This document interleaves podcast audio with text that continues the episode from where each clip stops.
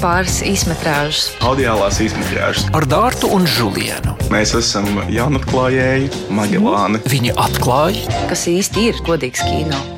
Sveiciens, darbie klausītāji! Ar jums ētera viļņos atkal tiekas Dārta Ceriņa. Sveiki! Un uh, kopā ar mani ir Žilienas no Humas Klibelī. Čau, čau!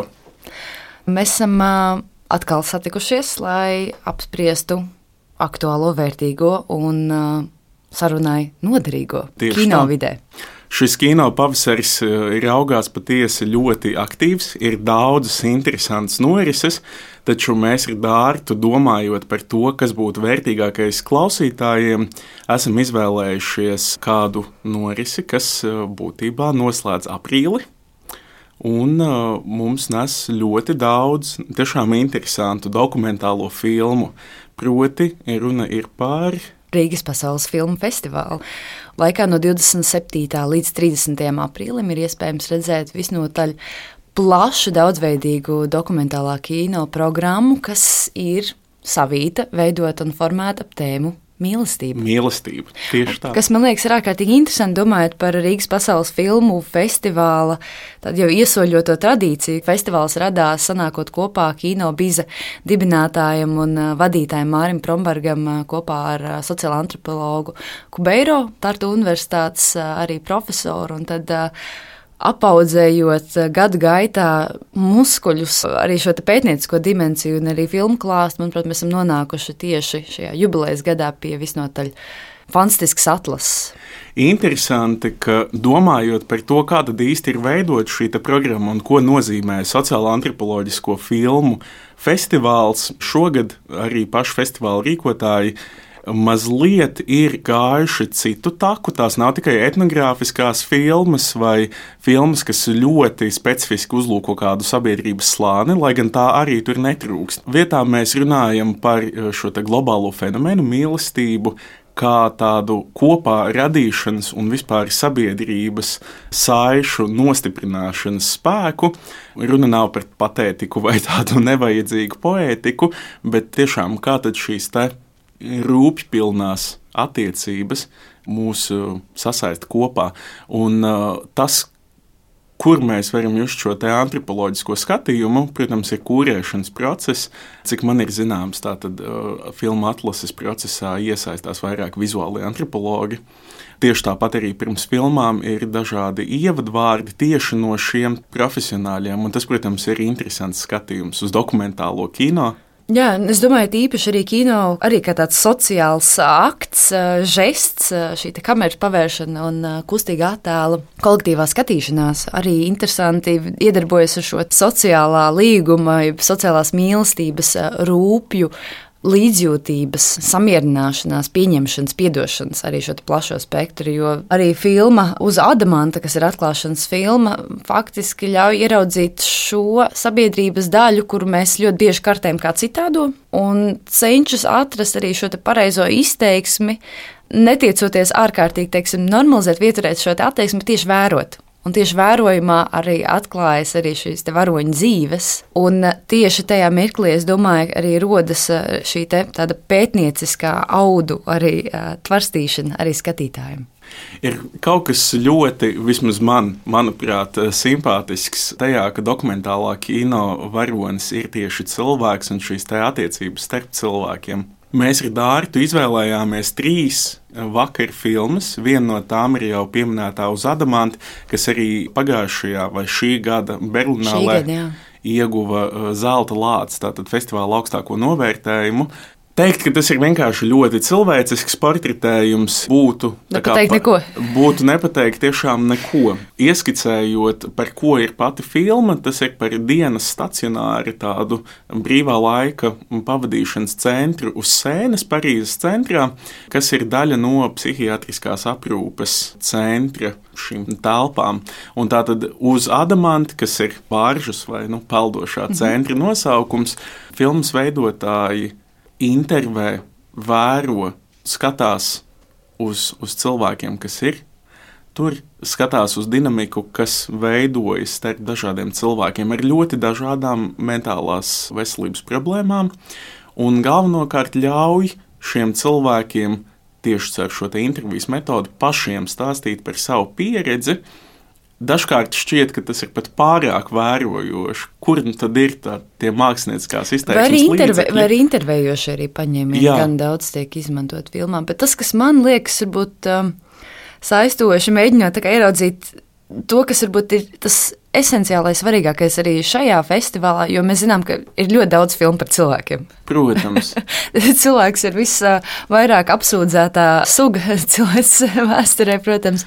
Bet tieši šajā darbā man liekas, interesanti ir tas, ka mēs tiešām ar, ar pašu filmu struktūras palīdzību esam spiesti kā fokusēties un iedziļināties cilvēku dzīvēs, un tie nav jaunieši. Tie ir cilvēki ar jau, es teiktu, krietni lielu arī dzīves pieredzi. Mums ir- dažādi, dažādi. Ir dažādi, jā, Jā. bet galvenokārt jā, mums ir plašs paudžu spektrs un tas, ko viņi dara, pavadot laiku šajā mākslas terapijā, muzicējot, glaznojot, reflektējot arī par savu darbu un arī par savu dzīvi. Es domāju, ka mēs esam arī spiestā interesanti paraudzīties to, ka mēs arī kā sabiedrība cilvēks ar dažādu veidu arī mentāliem apgrūtinājumiem, vienalga kādas formas un spektra. Mēs tomēr tā kā izolējam. Man liekas, šis peldošais kuģis savā ziņā ir šī trāpīgā, manuprāt, metāfora, caur kuru katrs skatītājs arī var ienākt un savā ziņā redzēt, ka mēs viņus noliekam kaut kur citur. Viņi nav, viņi nav uz ielas, un šajā gadījumā šis ir peldošais tāds terapijas kuģītes sēnes netālu, jā, nu faktiski pilsētas centrā. Taču man šķiet, ka teiksim, es tur redzēju tādu kā miera salu. Drīzāk kā cietumu, jo tā, tā nav slēgta tipa iestāde. Šie cilvēki Jā. dodas uz šo centru un tieši tā, lai apgūtu ne tikai mākslas terapijas paņēmieniem kaut kādas šādas kreatīvas lietas, bet arī diezgan fundamentāls dzīvē noderīgas lietas, kā pieņemsim pareizi naudas skaitīšanu un saprastu, kā tas notiek. Bet kas man šķita interesants un kādēļ es teiksim, ieteiktu arī iet uz šo atklāšanas filmu, ir tas, cik eh, bieži tomēr arī kino, nerunājot nemaz par sabiedrisko mediju vidi, tiek runāts par cilvēkiem ar mentāliem apgrūtinājumiem, kā tādiem, kuriem nav spriestspējas vai trūkst pašrefleksijas. Un šī filma ļoti tieši vēršas pret šo diezgan kaitīgo tropu caur šīm te intervijām. jā, jā. Un šie cilvēki, vismaz eh, filmas varoņi, ir diezgan apzināti par to, kur viņi ir, kas viņi ir un uh, kas viņiem liktu justies labāk un sliktāk. Katrā gadījumā es domāju, tas ir kaut kas tāds, kas vairo. Vairo sapratni un vairo arī iejūtību, nevienu nepatronizējot, nenoliekot tādā vārguļa lomā. Es piekrītu. Šis motīvs, kas ir caurvījis arī mūsu kultūru un arī sabiedrību, teiksim, izolēt kaut kas, kas varbūt ir ne mums nelīdz galam arī saprotams, varbūt pieņemams, mēs to izolējam. Bet šeit, manuprāt, jau pats tas filmas uzstādījums, šī peldošā miera osta savā ziņā ir. ir Patvērums. Un tas arī laikam, arī ritot, arī filmā pavadot ā, ar vien vairāk minūšu kopā ar šiem varoņiem. Šis te visnotaļ jau tāds, tāds Parīzes gaisa ieburzītais, tas, tas mitrojums, kas arī ienāk, jo kadrs, kadrs, es teikšu, drīzāk ir varbūt pat ne saules tādi pielieti, tādi idilliski, bet ļoti, teiksim tā, poetiski neitrāli. Varbūt ejam tālāk, jo Rīgas pasaules filmu festivālā ir daudzas filmas. Mēs varētu pārtīt lentu uz piekdienas vakaru, uz mana tēva filmu, kas tā tad ir režisora pirmais darbs. Žila Garnērī ā, dokumentālā filma, kurā viņa tēvs Jā. izmanto kameru, Jā, lai risinātu trīs līmeņu problēmas. Viņa attiecības ar, ar saviem bērniem, ar ā, diviem dēliem un ar meitu. Un tas, kas ir izveidots, ā, tā ir visnotaļ unikāla, tāda introspektīva uz savu, teiksim, pašatklāsmi, izmantojot kino mēdīju, vērsts kinodarbs. Šis gan ir nu, tāds jau mazliet tā žanrs, filmu veidotājs vai filmderis, kurš fiksē savu ģimeni un šādā veidā risina attiecības ar to.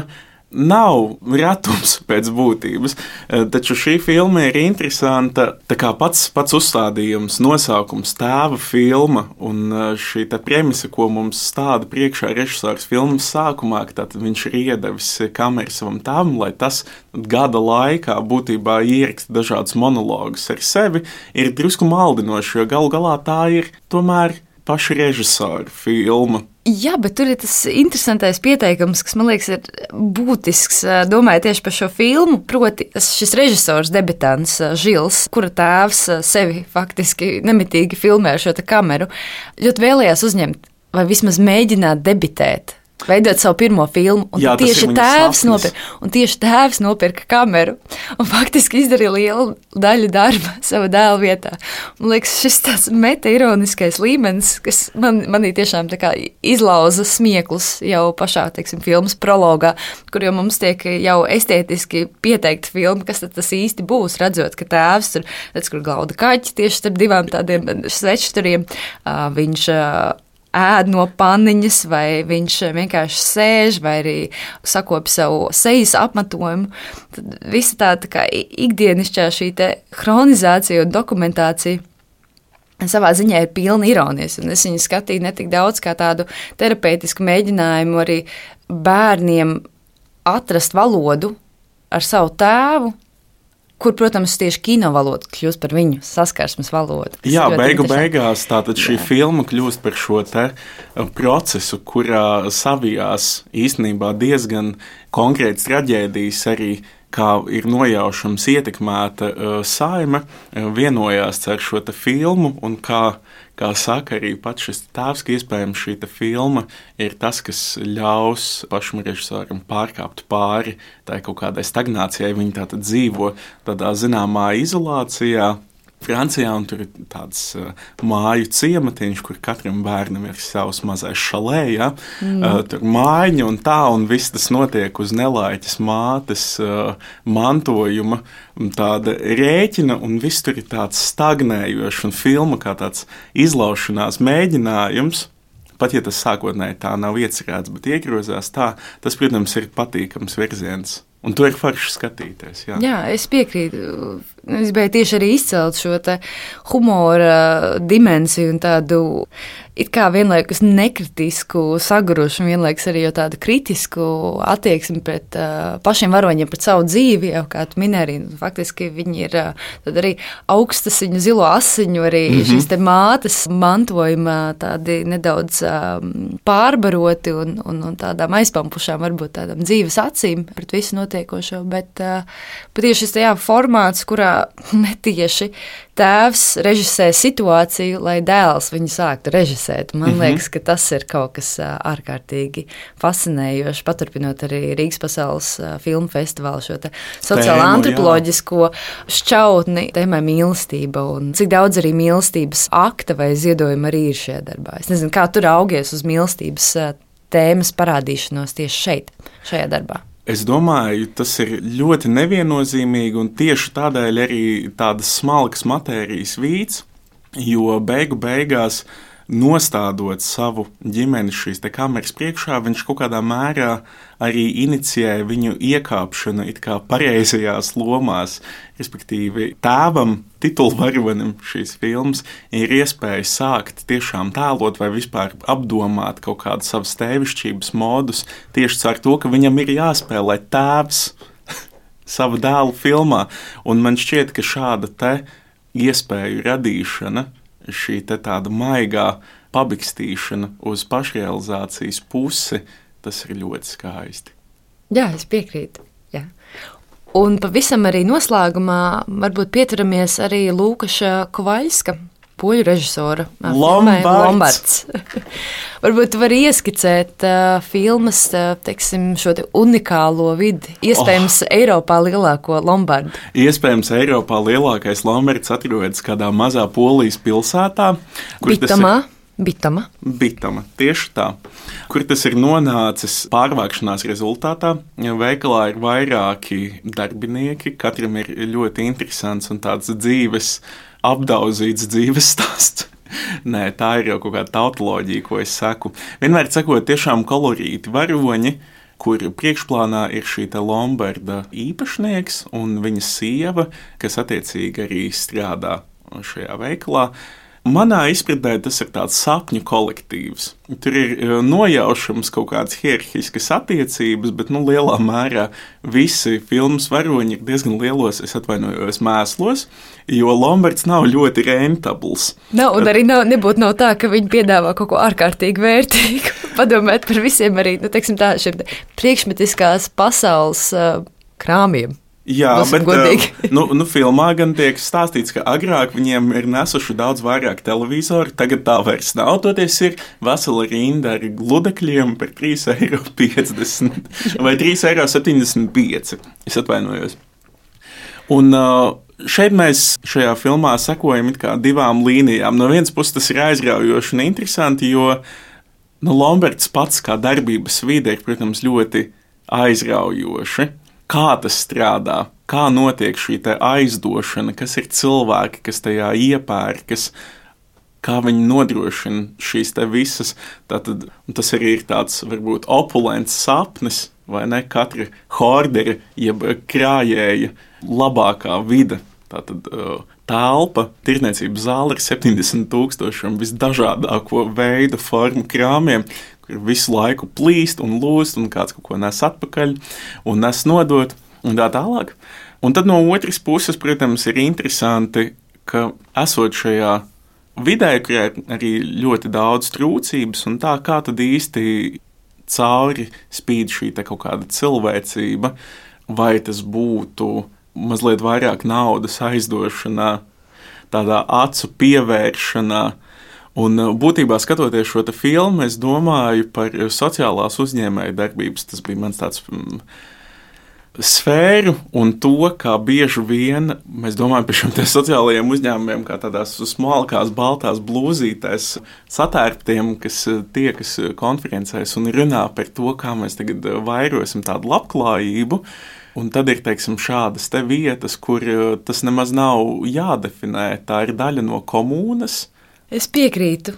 piekrītu Un, uh, Un, un, un viņi dara šo darbu. Un filma ir ārprātīgi smieklīga. Tas ir laikam kaut kas tāds, kas uzreiz būtu jāpiemina. Jo ir laikam kaut kas ļoti dzīvi apliecinošs tajā, ka mēs redzam varoņus, kas ir sarežģītā dzīves situācijā, taču to lieliski apzinās un mēģina no tā izvilkt labāko, kas vien ir iespējams. Kā piemēram, to modes skatu, kā tev tā patika.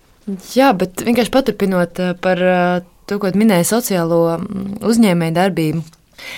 Man gan atkal šķita ārkārtīgi interesanti, ka Lombards eh, jau ir tā vieta, kur tu dod kaut ko citu, tam piešķirot kaut kādu šo vērtību, un tu saņem kaut kādu ekvivalentu. Bet šeit mēs redzam to piemēru, ka šai teiksim, precei, lietai, vienalga nelaimīgam gludeklim vai, vai kam citam, tad šī noteiktā vērtība, tas, kas tev tiek dots, ir daudz vairāk. Mhm.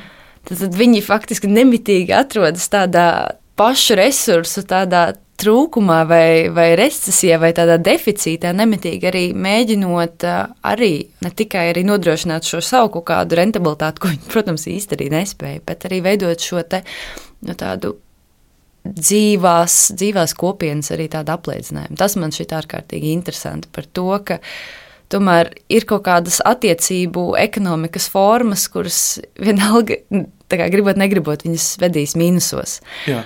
Un uh, pa vidu tam visam ir iespējams pavadīt visnotaļ asprātīgi, tāda humoriskā ar šo, šo visu laiku. Tas var būt ārkārtīgi eksplozīvs vai absurds, arī absurdi pavadīts laiks, jo filmas arī pati pirmā aina, kas man liekas ir ārkārtīgi fascinējoša, arī, protams, ar šo Lombardu īpašnieku un arī ar šiem baloniem. Un tiem bal baloniem, kurš paralēli īpašnieks sarunājas pa telefonu un risina kaut kādas savas šīs problēmas, apsmējot, ja tur, tur ko, kaut kādu šo situācijas nespēju, un tad paralēli, jā, tad šis te kolēģis pūš balonus un vienā mirklī balonus balons saplīst. Un tad šis te, nu, tāds jau nu, spēcīgais vīrietis jau arī tādā sporta drēbēs vairs nevar šos krāsainos balonus vienkārši pūst. Viņam ir viss ir apnicis. Viņam pietiek.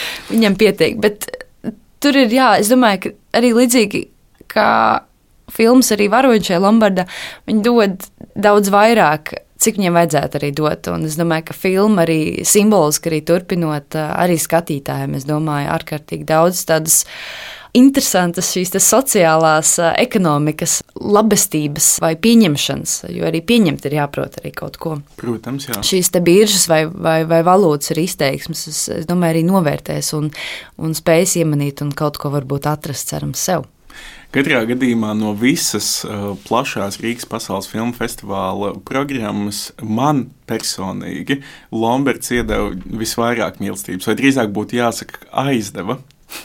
Tieši tā, tas bija tas aizdevums. Jā, mazliet iedeva ķīlā, un uh, mani ļoti iepriecināja redzēt uh, šādu vidi un kaut kādā mērā arī gūt apsolījumu tam, ka šajā pasaulē, kas nemitīgi kļūst ar vien vairāk ekonomiski motivēta, tas motivators bieži vien tāda Lombarda vidē var būt vēlēšanās vienkārši būt kopā.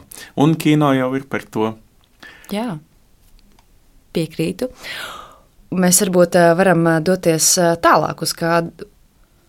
Un uz šīs nots es teiktu, ka mums vajadzētu arī atvadīties no jums, un cerams, ka mēs ar jums satiksimies pie kino ekrāniem, vai ne? Jā, ciemos pie Māra Promberga, kinoteātrī, kinovīza. tieši tā, tieši tā, tieši tā. Labi, mīļš, paldies jums, klausītāji, un tiekamies jau trīs pāris izmetrāžas. Audiālās izmetrāžas ar Dārtu un Žulienu. Mēs esam jaunatklājēji Magelāni. Viņi atklāja, kas īsti ir godīgs kino.